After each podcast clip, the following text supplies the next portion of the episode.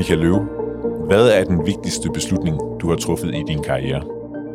Jeg havde været ansat cirka et års tid, hvor jeg fik en rolle som projektleder. Og øh, der øh, skulle jeg første gang stille mig op foran et projektteam og bede dem om at gøre nogle ting på en, på en bestemt måde. Og øh, det var ret grænseoverskridende. Jeg led af det, jeg tror, man kalder et imposter syndrom, men, øh, men det gik rigtig godt. Og det har egentlig siddet i mig lige siden, at øh, når man nogle gange gør noget godt, udøver ledelse på en god måde, så, øh, så synes folk, at det, det er godt, og det bringer ting frem, og øh, det gør en forskel. Du lytter til Ledelse med Vilje. En podcast fra lederstof.dk, hvor du møder nogle af Danmarks mest inspirerende og mest markante ledere til en samtale om deres livs vigtigste beslutninger. Din vært på programmet er Anders Vass, chefredaktør på lederstof.dk. Dagens gæst er Michael Løve. Han er uddannet ingeniør fra DTU og har både haft topstillinger i Coop, B&Q og Netto, inden han landede som CEO i OK Amba i 2022. Hør, hvordan Michael Løve vil tage ansvar for at ændre virksomhedens kerneopgave fra at sælge brændstof til at el bliver den nye energikilde i denne uges udgave af Ledelse med Vilje. Michael Løve, hvad karakteriserer dig som leder? Altså, når du stiller mig sådan et spørgsmål, så, øh, så kvirer jeg mig lidt ved at prøve at beskrive, hvad andre måtte opleve ved mig. Øhm, så jeg tror, i stedet for vil jeg prøve at svare på, hvad det er, jeg i hvert fald selv trives med, og hvor jeg selv synes, at, øh, at jeg har øh, kunne gøre en stor forskel.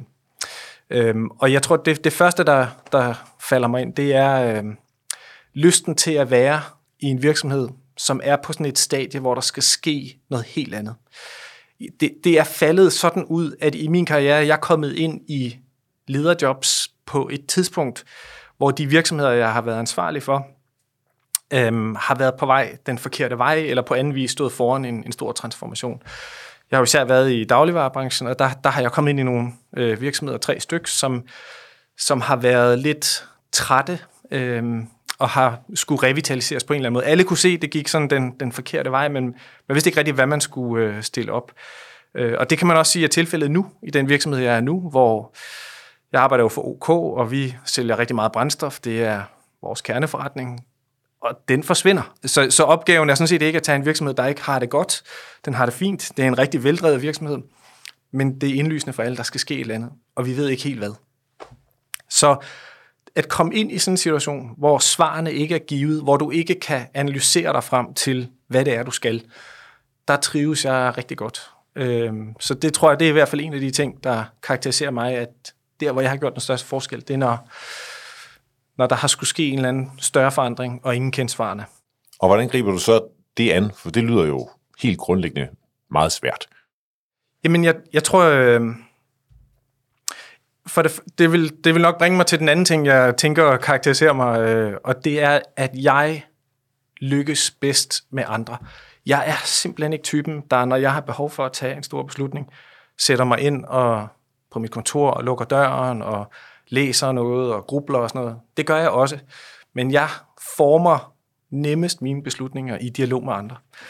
Diskussioner, øh, noget af det bedste, jeg ved, øh, med et lederteam, med folk i organisationen, der ved en hel masse, med folk uden for virksomheden, som har et perspektiv. Det kan være kritisk, det kan være positivt, det kan være alt muligt, men, men de her dialoger, det er altid der, øh, at, at tingene ligesom begynder at, at udkrystallisere sig når du er i stand til sådan at trække på den samlede kollektive viden, der er i en organisation, ligesom facilitere frembringelsen af en essens af det, øh, så tror jeg, man finder de, de bedste løsninger. Det, det er noget af det, jeg i hvert fald synes er, er sjovt. Der er jo næsten ikke noget forandringsledelse, som ikke møder en masse modstand, fordi dem, hvor du så kommer, øh, de er jo vant til at gøre deres arbejde, og de gør det sikkert hver især øh, rigtig godt.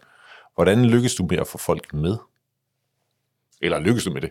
Jamen, det tror jeg egentlig ikke altid, øh, jeg gør, og jeg tror også, en af de vigtigste ting, du skal som leder, det er, at en gang imellem, så skal du træffe en beslutning, der ikke er indlysende for alle andre, er nødvendig at træffe. Og øh, så må historien vise, om den så var det.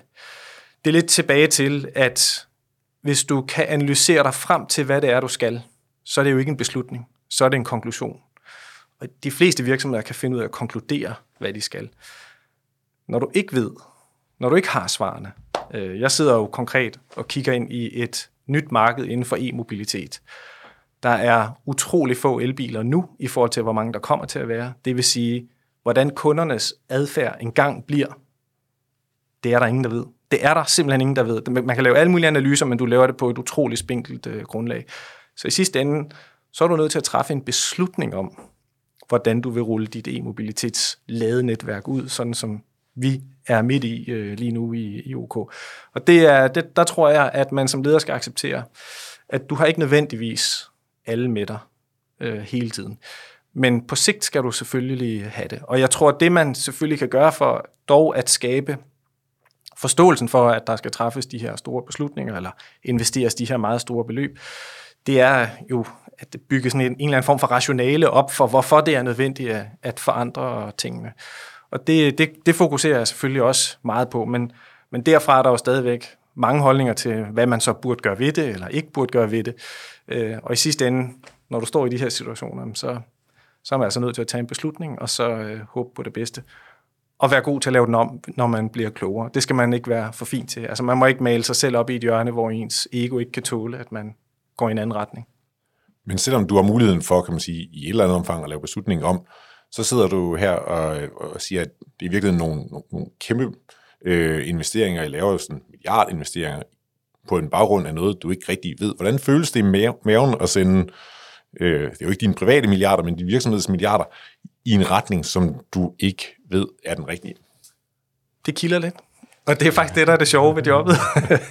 altså, det er jo... Øh, altså, det, det er jo, jeg tror, den, den forståelse, alle i OK har, og heldigvis også øh, min bestyrelse, det er, at, øh, at vi, jo, vi er jo nødt til at gøre noget andet. Altså, vores marked, det vil stille og roligt forsvinde, så vi skal jo noget andet, og vi er kendt for at være inden for mobilitet, så vi skal nok også blive inden for mobilitet.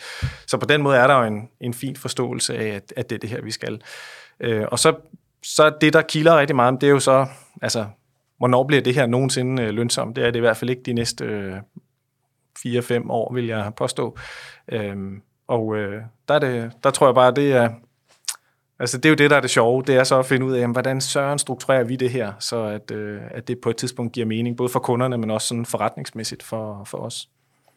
Du står jo i en situation, hvor du er chef for en virksomhed, som så er på vej den vej, men hvor jeg går ud fra, at størstedelen stadigvæk er nogle mennesker, der i et eller andet omfang handler med, med fyringsolie og med benzin, og diesel.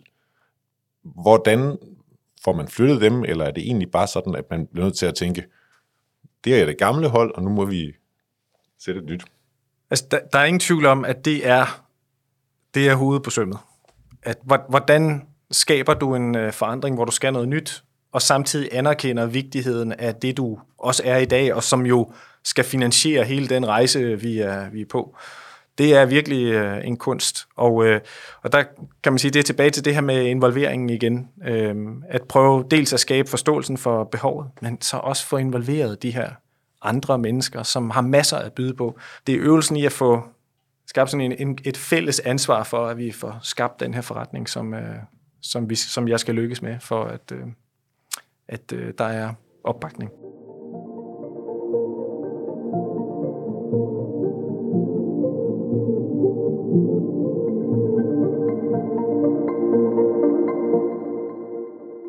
Lad os gå tilbage til øh, der, hvor vi startede. Den der første beslutning, du havde, eller første oplevelse af at træde i karakter som, som leder. Kan du prøve at øh, sætte nogle flere ord på, hvad det var, du oplevede dengang, og hvordan du har kunne bruge det senere? Jamen, jeg, øh, altså jeg, jeg skal måske lige sige, at jeg, jeg er uddannet ingeniør, så jeg, øh, jeg specialiserede mig i, dels først så læste jeg faktisk energiingeniør, og så læste, øh, specialiserede mig siden i noget, der hedder operationsanalyse, som er sådan en form for matematik, du bruger til at løse meget komplekse problemer. For eksempel sådan nogle transport-distributionsudfordringer, det, det modellerer man jo, og så har man en computer til at regne det ud i dag, når man skal lave ruteplanlægning. Så det, det var sådan noget, jeg øh, læste og synes var vældig sjovt. Så jeg kom ind i, ind i Coop som logistikkonsulent og skulle hjælpe med at optimere hele logistik-setup'et og fik alle mulige opgaver, og så efter, jeg tror et lille års tid, så fik jeg så tilbudt en projektlederstilling, hvor jeg skulle lede implementeringen af automatisk genbestilling af varer i butikkerne. Så jeg er så gammel, at øh, jeg startede min karriere der i 2001, øh, og der bestilte alle butikker i Coop altså deres varer helt manuelt. Det gjorde det også i de fleste andre butikker, så vi, ikke, øh, vi var ikke øh, på nogen måde de, de sidste. Så noget med at krydse en liste af og faxe den ind til hovedkontoret? Jeg tror, faxningen var vi ude over på det tidspunkt, men øh, det var, altså du sad med en, med, sådan, med en lille, jeg tror faktisk, du stod med nogle lister og krydsede af, og så gik du ind og tastede det ind på computeren bagefter, som jeg lige husker det. Øh, men det skulle altså ind i computeren, og når du skal starte sådan en, øh, en, en butik op på sådan et system, så er der mange ting, der skal være på plads. Du skal blandt andet have talt alle dine varer og fået dem ind i systemet, og du skal have sat et præsentationslager, som det hedder. Altså, hvor meget skal der mindst være på hylden, for at, øh, at, at varen tager sig at man kan se, at det er den vare, der er på hylden, osv. osv. Øh, der, der var tusind ting. Og det var sgu lidt kaos øh, på det tidspunkt. Øhm, og jeg øh, lavede hurtigt en, en, en lille interviewrunde blandt øh, dem, der var med i projektet. Hvad er det egentlig, der skal til, når vi skal starte en butik op? Og jeg, som den gode ingeniør jeg er, så tænkte jeg, det, det, det skal vi da lave til en tjekliste. Så det lavede jeg hurtigt i Excel øh, for hver butik, og fik klistret op, inklusive dem, der de næste butikker, der skulle på. Og så, så, så øh, sådan, øh, sneer mig lidt ind i rummet der, og spurgte, om jeg lige kunne få alles opmærksomhed et øjeblik, og var meget nervøs ved sådan, jo for første gang at skulle pådute dem en opgave, jeg havde fundet på, de skulle lave. Og jeg øh, stillede mig op og forklarede sådan, så rationelt jeg kunne, at de her checklister, de er gode, fordi så ved vi alle sammen, hvor vi er, og man kan altid gå op og se, hvad der mangler, og, du ved, så kan bidrage der, og, og ret overretfærdigt gjorde sikkert øh, behovet. Og så var der bare en, der sagde, åh, det var en lang god idé, det, det er jo lige det, vi har snakket om, vi burde have. Og så, øh, så noget så banalt som sådan en checkliste, det, øh, det gjorde bare underværker i den der situation. Det lyder helt åndssvagt nu, det kan jeg godt høre. Men, øh, men det gav mig sådan en rigtig... Øh, det gav mig en, en god følelse, som jeg vel dybest set egentlig altid stræber efter, når jeg leder. Det er, at, at, at i det omfang, man, man bestemmer noget, så fører det ultimativt til, at folk tænker, det, det giver sgu mening, det, øh, det virker som det rigtige, det giver mig tillid til, til det, vi har gang i. Og det var sådan en populær beslutning, fordi ja. det gjorde folks øh, liv nemmere. Jeg kan ikke forestille mig, at du øh, siden øh, har kunne øh, danske gennem livet øh, udelukkende på populære beslutninger og det her gælder en, en selvtid, men, men hvor er det så, du begynder at også skulle træffe nogle upopulære beslutninger? Jamen, jeg, altså jeg tror, uden øh, sammenligning, så har jeg været igennem to øh, fyringsrunder, øh, og skulle ligesom være ansigtet og stå i spidsen for dem. Og det synes jeg er stærkt ubehageligt. Øh, men øh, det, øh, det er jo også en del af, af jobbet. Og i den situation, der er det jo endnu mere vigtigt, at man har en god forklaring på, hvorfor man gør, som man gør, at man behandler folk øh, ordentligt, at man øh, er respektfuld øh, omkring det. Øh, men det er, altså jeg synes, det er, det er nogle af de mest træls opgaver, jeg har været med til. Er det i virkeligheden det vigtigste, det du siger, det med at have en god forklaring? Ingeniøren, der vil ja, forklare ting. men jeg er jo også meget bevidst om, at øh, du kan ikke rationalisere alt. Øh, altså min kone siger jo nogle gange til mig, at du kan ikke rationalisere følelser. Og det er jo fuldstændig rigtigt. Jeg har to teenage-døtre og en, på, en datter til på vej ind i teenage-alderen der. Så det, det kender jeg jo øh, alt til. Så jeg tror, at ofte er, altså nogle gange er store beslutninger jo ikke et produkt af et 100% øh, gennemtænkt rationale, men også en beslutning om en, en satsning eller en prioritering, man overordnet er nødt til at foretage i virksomheden, eller har en tro på, vil føre virksomheden frem på en anden måde, og så, så, så træffer man den her beslutning, og, og så skal du så skal du også være ærlig omkring, at det ikke er en øh, 2 plus 2 giver 4 rationale, der ligger bag, men at det er et Øh, men at det er en tro på, at det er det rigtige for virksomheden. Altså, så der er man også nødt til at tale til øh, folks intuition og, og følelser. Fordi det også er det, der jo har drevet en, eller mig, til selv at træffe de øh, beslutninger, jeg, jeg nu står med. Du taler om øh, forretningsbeslutninger, at øh, indføre et IT-system, hvor ultimativt i den anden ende at skulle fyre nogle mennesker. Så er der alt det, der hedder personalledelse, som jo er noget andet. Hvordan har du lært den undervejs, når du kommer med ingeniørbaggrund og måske i virkeligheden helst vil lave et system? Ja, altså det kan, det kan godt lyde, øh, som om jeg er meget til systemer, men jeg, jeg tror, jeg, egentlig nok, jeg er mere øh, bare et, øh, et menneske. Jeg, øh, jeg tror ikke, der er en uddannelse, der som sådan er mere oplagt end andre til at blive leder. Jeg, jeg tror, at de fleste opdager ledergærning på et tidspunkt, øh, og så, øh, så konstaterer man, om man kan lide det, og om man har erfaring med det, om, om øh, folk øh, synes om at have en som leder, vælger en til øh, som øh, leder. Og, øh, og, og der, der tror jeg, jeg har simpelthen synes, det var øh, vanvittigt sjovt og berigende og spændende at, øh, at få lov at stå i spidsen for nogle, øh, nogle grupper af, af kolleger. Øhm, og jeg, jeg, jeg har egentlig den ydmyghed, jeg følte første gang, jeg sneg mig ind og skulle vise dem en checklist, jeg godt ville have, de udfyldte, øh, den, den har jeg faktisk øh, stadigvæk. Jeg, jeg spørger stadig tit mig selv, hvad er det egentlig, der gør, at du er den rigtige chef for det, du lige nu er chef for?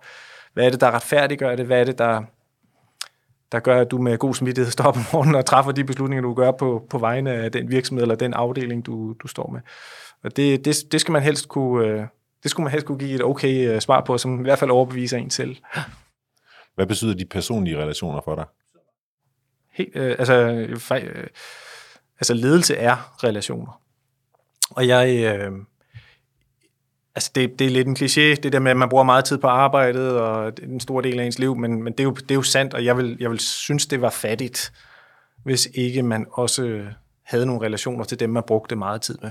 Altså, så, sådan har jeg det i hvert fald. Det er ikke det samme som, at vi skal være venner, men vi skal have en god relation øh, sammen. Vi skal have det sjovt sammen. Det er, det er utrolig vigtigt for mig.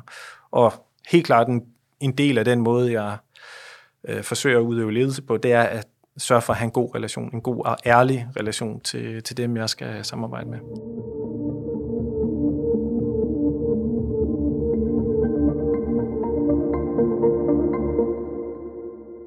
Vi taler om de største beslutninger i din karriere, og den næste, du har selv været med til at udvælge den, er øh, tilbage i øh, 2015, hvor øh, du forlader Danmark.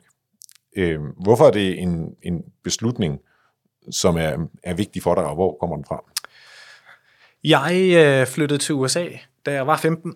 Min far han fik et job i Chicago, og så flyttede vi derover, boede i to år der, og så siden flyttede vi til Bruxelles i, og boede der i to år. Og øh, som en del af min ingeniørstudie, der var jeg også et år i Australien og læse på øh, University of New South Wales i Sydney. Øhm, så det der med at komme ud og mærke pulsen, det har jeg bare alt tid synes var vildt spændende og vildt stimulerende. Så øhm, da, jeg, da min kone og jeg mødte hinanden og fandt sammen og flyttede sammen, så, øhm, så snakkede vi øh, tit om, at vi godt kunne tænke os en dag at prøve at bo i udlandet som, øh, som familie. Og, øh, og det gik jeg egentlig relativt målrettet efter. Jeg fik, øh, jeg fik lidt hjælp i forhold til at, at skaffe nogle kontakter og netværk osv. Og, øhm, og det, øh, det har jeg selvfølgelig brugt. Men, men du skal også holde dem varme. Og jeg var i proces med, med Walmart blandt andet. Øh, en proces, der tog næsten et år øh, med utrolig mange tests og besøg i Bentonville, øh, som er deres øh, hovedkontor. Og, og sideløbende med det, så havde jeg så den her, fik jeg kontakt til, øh, jeg kontaktet en headhunter øh, fra London, som ledte efter en direktør til, øh, til B&Q, som er, er Englands største øh, byggemarked. Og vi endte med at få, øh, eller jeg endte med at få tilbudt begge stillinger, øh, og den, man venter jo lige med at committe, inden man har en skriftlig kontrakt, og, og det var vidderligt sådan, at øh, de kom med en dags mellemrum øh, til vores øh, hjem. Og så, så stod min kone og jeg jo der og tænkte, skal vi tage til Bentonville i Arkansas? Og det er lige så langt ude på landet, som det lyder. Eller skal vi tage til London og, og der var ikke der var der var ikke så meget diskussion. Øh, det blev London. Øh, jeg var faktisk selv jobmæssigt mest fascineret af, af Walmart, øh, men men det andet passede bedst til os som som familie, så vi endte med at gøre det. Så det, det var en langt tilløb til at, at komme til udlandet. Og det var det, det, det var virkelig et ønske om både ved, professionelt at få erfaring, men også at, at prøve at bo et andet sted som familie. Øh, vi havde jo øh, tre døtre, og de skulle jo i skole, og, og alt det, der følger med at etablere et liv et, øh, et andet sted. Jeg havde nogle ret skarpe holdninger til, hvad der var i orden, og hvad der ikke var i orden, og hvornår folk du ved, kunne bruges i gåseøjne, og hvornår de ligesom ikke duede til noget. Og sådan. Øhm, lidt for rigid. Øh, og så kommer du til et andet land, med den kultur, der nu er, den ledelseskultur, der er. Du bliver en del af en gruppe. Altså, B&Q er en stor virksomhed i sig selv. Solgte 4.000 køkkener om ugen, øh, bare for at give en idé om, øh, om skalaen. Øh, kæmpestort øh, byggemarked. Alle Bauhaus, og så bare 300 af dem. Øh, var ejet af en, af en anden virksomhed, der hedder Kingfisher, der også ejede et tilsvarende byggemarked i Frankrig og i mange andre lande. Så øh, mange franskmænd øh, også i, øh, i den her kultur. Så det her mix mellem englænder og franskmænd ikke går super godt i øh, spænd, øh, kan man roligt sige. Altid. Det giver mange sådan, øh, konflikter og mange beslutninger, hvor du tænker, hvad i alverden sker der her? Så, så det, der skete for mig, var, at jeg meget hurtigt blev nødt til at beslutte mig for at udvide min rummelighed markant. For ellers så ville jeg, jeg ville simpelthen gå ned med fladet, hvis jeg forsøgte at trække mit normale kodex for, hvad der var godt og dårligt, ned over øh, den situation, jeg befandt mig i. Så, så jeg tror, jeg lærte noget om, at ting kan gøres på rigtig mange måder, og der er flere ting, der er okay, end jeg måske lige øh, havde indset øh, i min karriere hidtil. Så, det, så for mig var det enormt berigende at, øh, at komme til udlandet.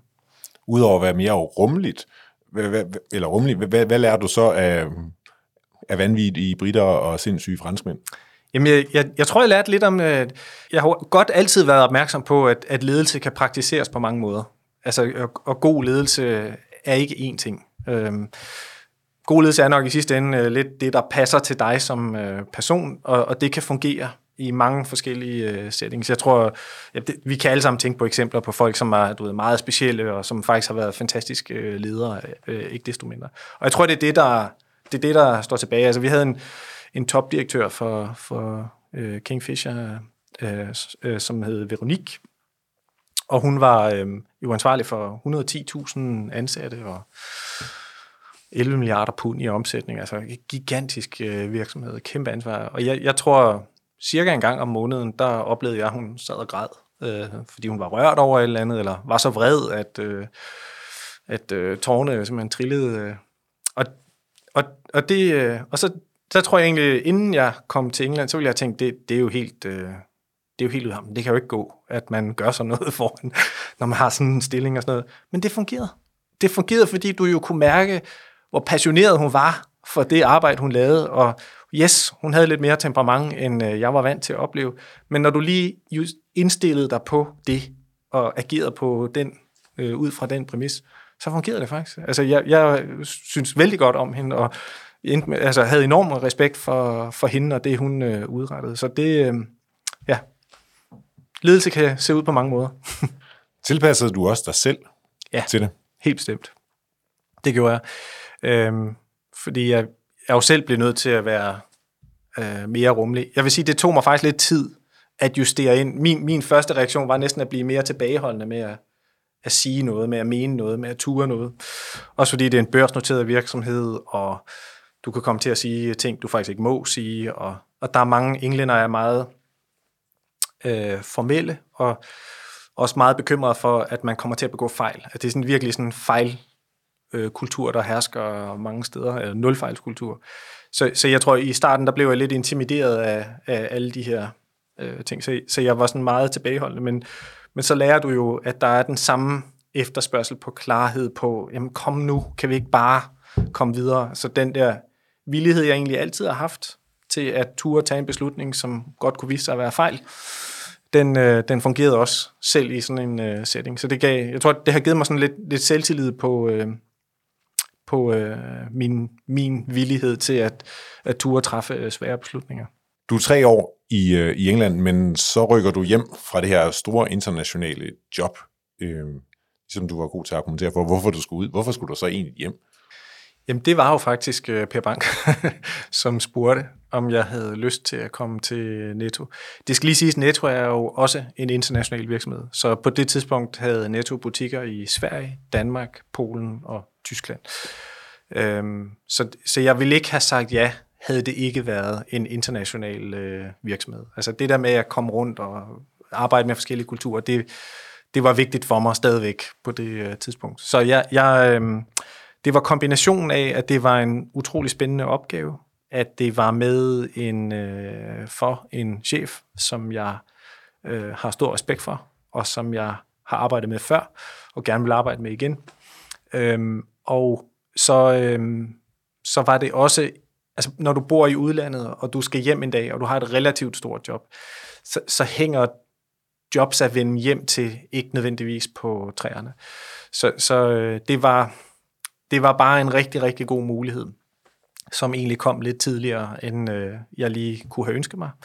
Men, øh, men sådan er livet nu engang, og så, øh, så sprang vi til.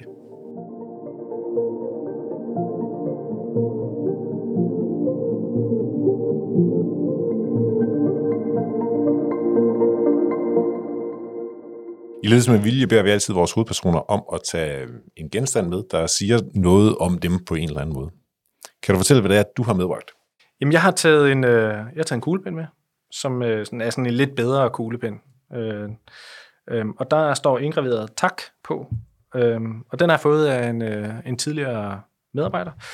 Øh, som, øh, og det er, det er ikke så meget historien om øh, kuglepinden og den medarbejder, som det er, at jeg tror, det er vigtigt at huske, at vi drives af anerkendelse. Altså det der med at gøre en forskel for andre mennesker. Jeg tror simpelthen ikke på, at der er nogen ledere, der i sidste ende ikke er drevet af den kraft, det er at få andre menneskers øh, anerkendelse for at have gjort noget godt. Øh, selvfølgelig er der pengene og prestigen og alt muligt andet, men i sidste ende så er det de der ting, den forskel, man gør for nogle andre mennesker, som, som i hvert fald øh, helt sikkert er en stor del af min drift, at øh, noget af det, jeg der gør, at, der gør, at jeg synes, det er det hele værd, øh, også selvom det nogle gange er hårdt, og det er mange timer og alt det der. Øhm, og det tror jeg faktisk også, det er for andre. Så det er også, det gør noget ved den måde, øh, jeg leder andre. Altså den, det, hvis, hvis anerkendelse er så vigtigt, så skal man også sørge for at give den, øh, og huske at give den til, til dem, der, der fortjener det. Øh, I Netto, der, øh, da jeg kom til der, der havde vi sådan en, øh, der herskede en lidt hård kultur. Øh, på den måde at forstå, at vi var rigtig gode til at sige, det der, det er bare ikke godt nok, det bliver nødt til at gøre sådan her. Altså det, og det kan også noget. Det, det er en meget sådan ærlig virksomhed, det er en meget, øh, øh, det er sådan en, en virksomhed, der er i stand til at eksekvere meget, meget hurtigt, fordi man har den der sådan lidt hårde kultur. Men der er også mange, der slår sig på den. Og, og vi arbejder meget med det her med, at vi skal være lige så gode til, du ved, målrettet at kritisere, som vi er til målrettet at anerkende. Øh, og og det, egentlig så tror jeg over tid, så, så, det, så lykkedes det i Netto at få os til at være mere fokuseret, om, nok ikke lige så fokuseret, men mere fokuseret på at, at være lige så god til at se det der, du skal huske at anerkende hos folk, fordi det kan godt være, at det der sejler derovre, men de har altså lavet det der. Og det er, altså fotografen, den spiller altså bare i dag. Det kan godt være, at de ikke lige har fået skiftet datorerne ned i, i mælken endnu, men øh, det, det tager vi så lige som et udviklingspunkt. Ikke? Så, så få balanceret tingene. Anerkend folk for det gode, de stort set altid gør. Det er der meget mere energi og drivkraft i, end, øh, end så meget andet. Er det noget, der ligger der fuldstændig naturligt, eller er det noget, du ligesom skal minde dig selv på nogle gange, at når der kommer en med et, et stak fuld problemer, lige at få det ind i burgeren? Altså, jeg er stor tilhænger af sandwich-princippet. I min erfaring, så, så kan folk, øh, mig selv inklusive sikkert, øh, vi er simpelthen bedre til at absorbere noget, vi skal gøre anderledes, gøre bedre, hvis, hvis det kommer ind i en kontekst, hvor jeg kan mærke, at personen øh, forstår mig. Altså, de forstår, hvad jeg prøvede på, og så kan det godt være, at jeg ikke lykkes helt, og vi skal tune på det, men de forstår mit udgangspunkt, de forstår, at jeg kom fra et godt sted. Og det er meget, meget sjældent, at folk ikke kommer fra et godt sted. Altså, de kommer med en ærlig intention for at prøve at løse et eller andet. Og så kikser det så af nogle forskellige årsager. Det kan være, at de får sagt tingene på en dum måde, eller de ikke fik planlagt noget. Der kan være 100 ting, men altså, få det lige ind i den der kontekst, der gør, at de ved godt, du forsøgt, at, at du ved, at de forsøgte, de kom fra et godt sted. Og så, så er man også mere modtagelig for, for den kritik, man, øh, man så lige skal absorbere.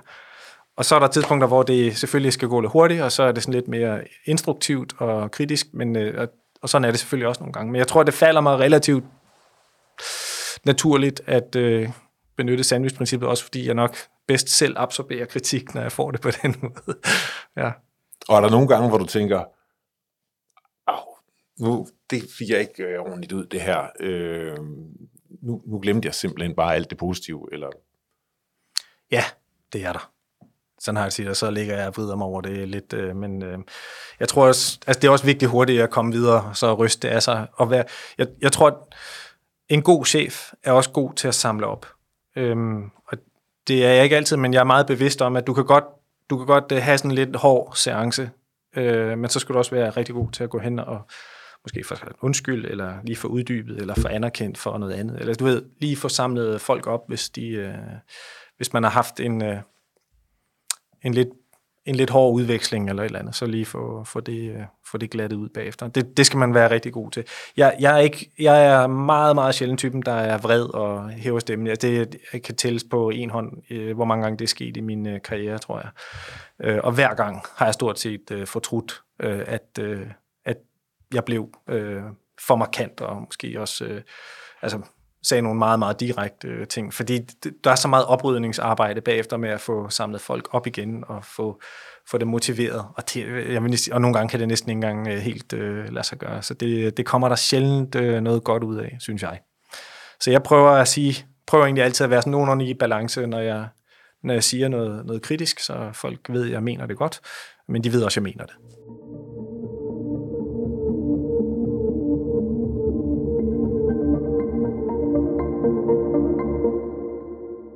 Den sidste af de store beslutninger i din øh, karriere, vi skal tale om, det er tilbage i øh, 2020. Vi husker det alle. Øh, på det tidspunkt var du øh, direktør for Netto, og så kom der det der øh, corona, og pludselig skulle der træffes en masse store beslutninger.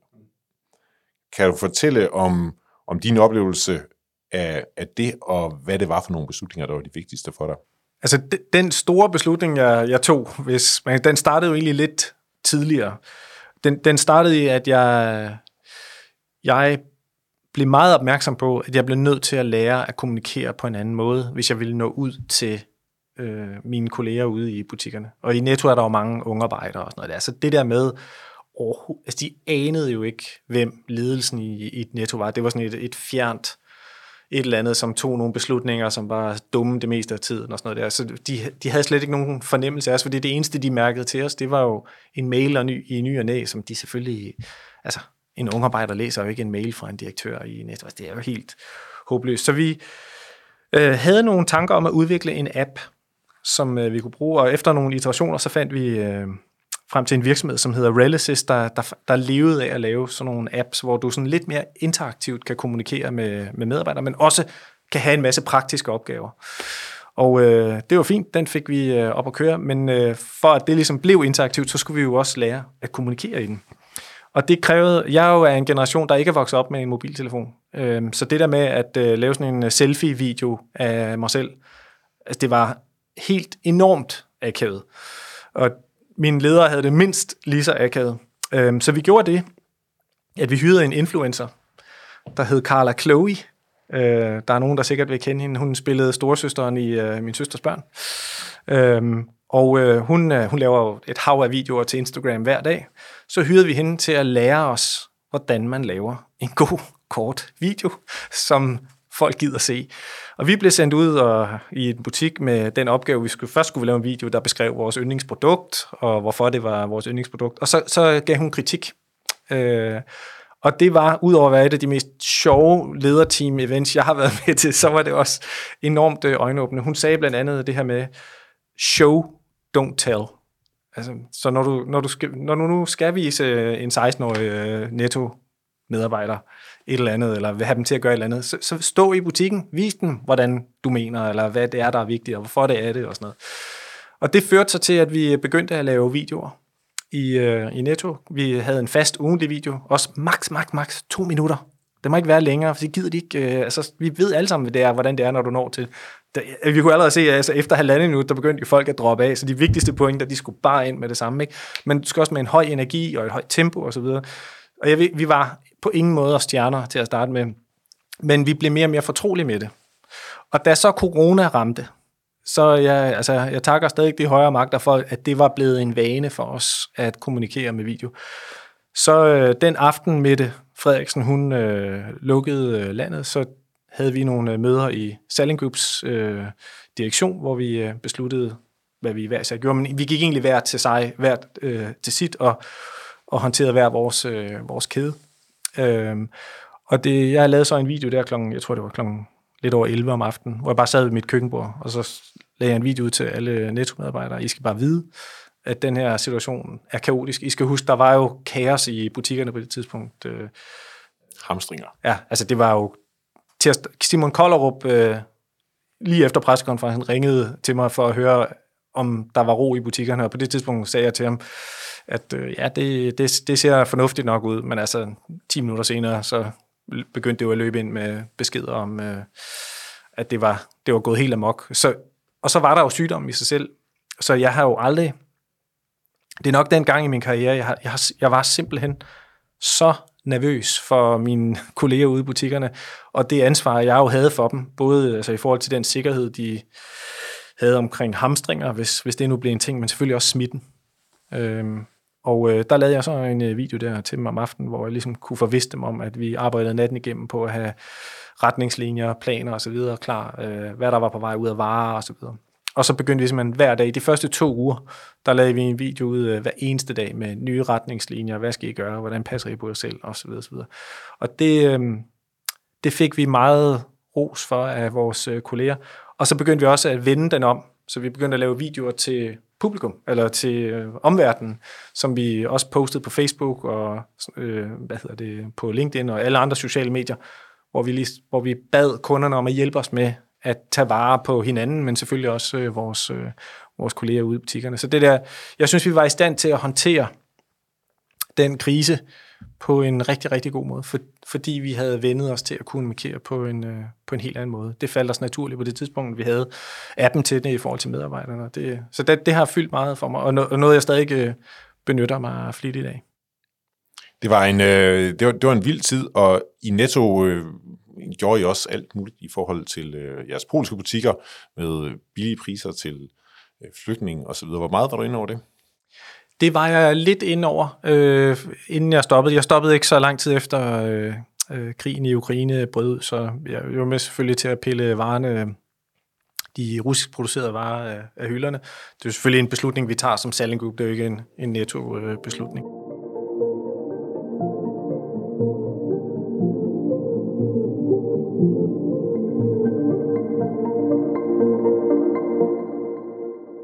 Vi slutter altid ledelse med vilje af med at spørge vores hovedpersoner om, hvad det er for nogle beslutninger, de står foran. Nu er du jo så øh, CEO i det her øh, gamle olieselskab, der skal lave noget nyt fremover. Hvordan ser de beslutninger, du står overfor lige nu ud? Jamen, jeg tror, at den, øh, den helt store beslutning for os, det er at finde ud af, hvordan man tager et ansvar på en meningsfuld og reel måde, når man er et selskab, der lever af at sælge brændstof. Øhm, det er jo ikke sådan, OK har jo historisk, OK startede jo som et kulselskab øhm, for over 100 år siden, og øh, siden blev det jo et, øh, et olieselskab, altså det, det var inden man øh, havde biler på den måde, der skulle tankes, og siden blev det et tankstationsselskab. Øh, så, så nu er vi jo på vej over at blive det lyder forkert at sige et elselskab, men, men el bliver jo nok det, det primære energikilde øh, i øh, fremtiden. Øh, så det er ikke sådan, at vi ikke har skiftet karakter før, men, øh, men vi er et brændstofselskab, øh, og, og har en stor del af vores omsætning og indtjening øh, fra det. Og det vi arbejder meget med lige nu, det er, øh, hvordan vi med det afsæt bidrager til, at reducere de klimaudfordringer, som, øh, som er. Og indlysende er nok, at man, man kan få folk til at bruge mindre. Men vi er jo ikke vi, vi øh, gør jo ikke verden til et bedre sted ved at lukke vores tankstationer, og så sende de 3 millioner biler, der stadig kører på brændstof, øh, hen til nogle andre konkurrenter, eller sælger vores tankstation, for at nogle andre bare kan drive den videre. Det, det bliver vi ikke mere ansvarlige af. Så, så vi arbejder meget med det her med at øh, finde en vej til at gøre en reel forskel for, øh, for klimaet med det afsæt, vi, vi nu engang har. Og hvor meget betyder det for dig selv at øh, være en del af den grønne omstilling, som i, i det her tilfælde også er en forretningsnødvendighed? Det betyder rigtig meget. Jeg, øh, jeg, blev, jeg startede med at læse til energiingeniør, fordi jeg var bekymret for klimaet. Så jeg ville være med til at finde fremtidens måde at producere mere klimavenlig energi på. Det var mit motiv, da jeg startede. Og, og hvis du sådan tracker igennem min øh, karriere, så i Netto var jeg formand for Klimapartnerskabet for handel og brugte meget tid på det. Jeg brugte utrolig meget tid på, på madspil, på, på at uh, få uh, en klimamærkning uh, ind, i, uh, ind på dagligvarer, har jeg brugt rigtig mange kræfter på også. Så, så jeg er meget optaget af klimaet, og derfor kan det måske også se lidt underligt ud, at, at jeg så skifter til et uh, brændstofselskab. Men det er jo faktisk netop, fordi jeg synes, nogen skal jo finde en måde at drive... Vi, vi kan jo ikke bare slukke for olien. Altså det, så, så kollapser samfundet. Det hviler jo på, at vi har det brændstof øh, i dag. Men vi må jo kunne gøre noget for dog hurtigere at komme hen på noget andet. Og øh, den rejse vil jeg gerne være med til. Og jeg har en OK af andelsejet, har en bestyrelse, der tænker meget langsigtet og også tænker relativt idealistisk øh, selvom vi selvfølgelig også skal øh, give overskud, ellers så er vi her jo ikke. Øh, men øh, men det, den, den kombination gør, at øh, jeg, jeg føler virkelig, at jeg, vi kan være med til at, at gøre noget, øh, som andre faktisk ikke kan. Fordi, netop fordi vi har det afsæt, øh, som vi har. Og det vil jeg gerne være med til. Og hvad med Michael Løve selv? Du har jo skiftet sådan ret ofte gennem din karriere fra det ene store job til det andet. Ja, Jamen, øh, jeg, har, jeg er blevet, det, du er ikke den første, der, der spørger om, øh, og jeg er også blevet spurgt af mange i OK, og ikke fordi jeg har skiftet så meget, øh, fordi det, skal, det hører med til den øh, udlægning af min karriere, at øh, jeg var 12 år i Coop, så jeg har bare skiftet job inden for Coop, øh, og det er vel en god ting. Og så har jeg så været øh, de to år i Lufthavnen, og de tre år i England, og så har jeg været fem år i, øh, i Netto. Så mere, mere job hoppende har det heller ikke været. Men, øh, men jeg, jeg, jeg har sagt til flere, jeg, jeg, jeg kunne sådan set godt forestille mig, jeg er 48, men jeg kunne egentlig godt forestille mig, at det var mit, øh, mit sidste job. Der er så meget potentiale i, øh, i OK. De virksomheder, vi øh, har en aktie i, har også et enormt øh, potentiale. Så jeg, jeg føler faktisk, der er utrolig meget at, at rive i. Så jeg har ikke en... Øh, jeg har ingen ambition om at, at skifte væk øh, fra, fra UK, og ser heller ikke øh, nødvendigvis øh, behovet heller ikke på den lidt længere bane. Michael Løve, tak fordi du vil være med i Ledelse med Vilje. Selv tak. Hvis du kunne lide at lytte til Ledelse med Vilje, vil du sikkert også blive glad for vores mellemlederpodcast Lederskabet. Hør for eksempel programmet med Maja Nyvold, der har en udfordring med at spotte mistrivsel og overdrevet arbejdspres, når hun leder sine medarbejdere gennem skærmen. Der skal være en virkelig god grund til, at man ikke tager kamera på. Fordi hvis folk sidder og kan gemme sig bag skærmen, så ved man jo ikke engang, om de hører efter, eller om de er engageret i den samtale, eller laver noget andet. Så, øh, så det er de, men det er de små tegn, for selv bag en skærm, så er det nemmere at skjule sig, end hvis du lige går over og tager fat i en ved siden af kaffemaskinen og siger, hey, hvordan har du det egentlig i dag? Og jeg ser, at du arbejder meget. Er det okay, eller bliver det for meget nu? Lederskabet, en mellemlederpodcast, giver både gæsten og dig, som lytter med, inspiration til, hvordan man selv kan blive en bedre leder. Lederstof.dk udgives af lederne.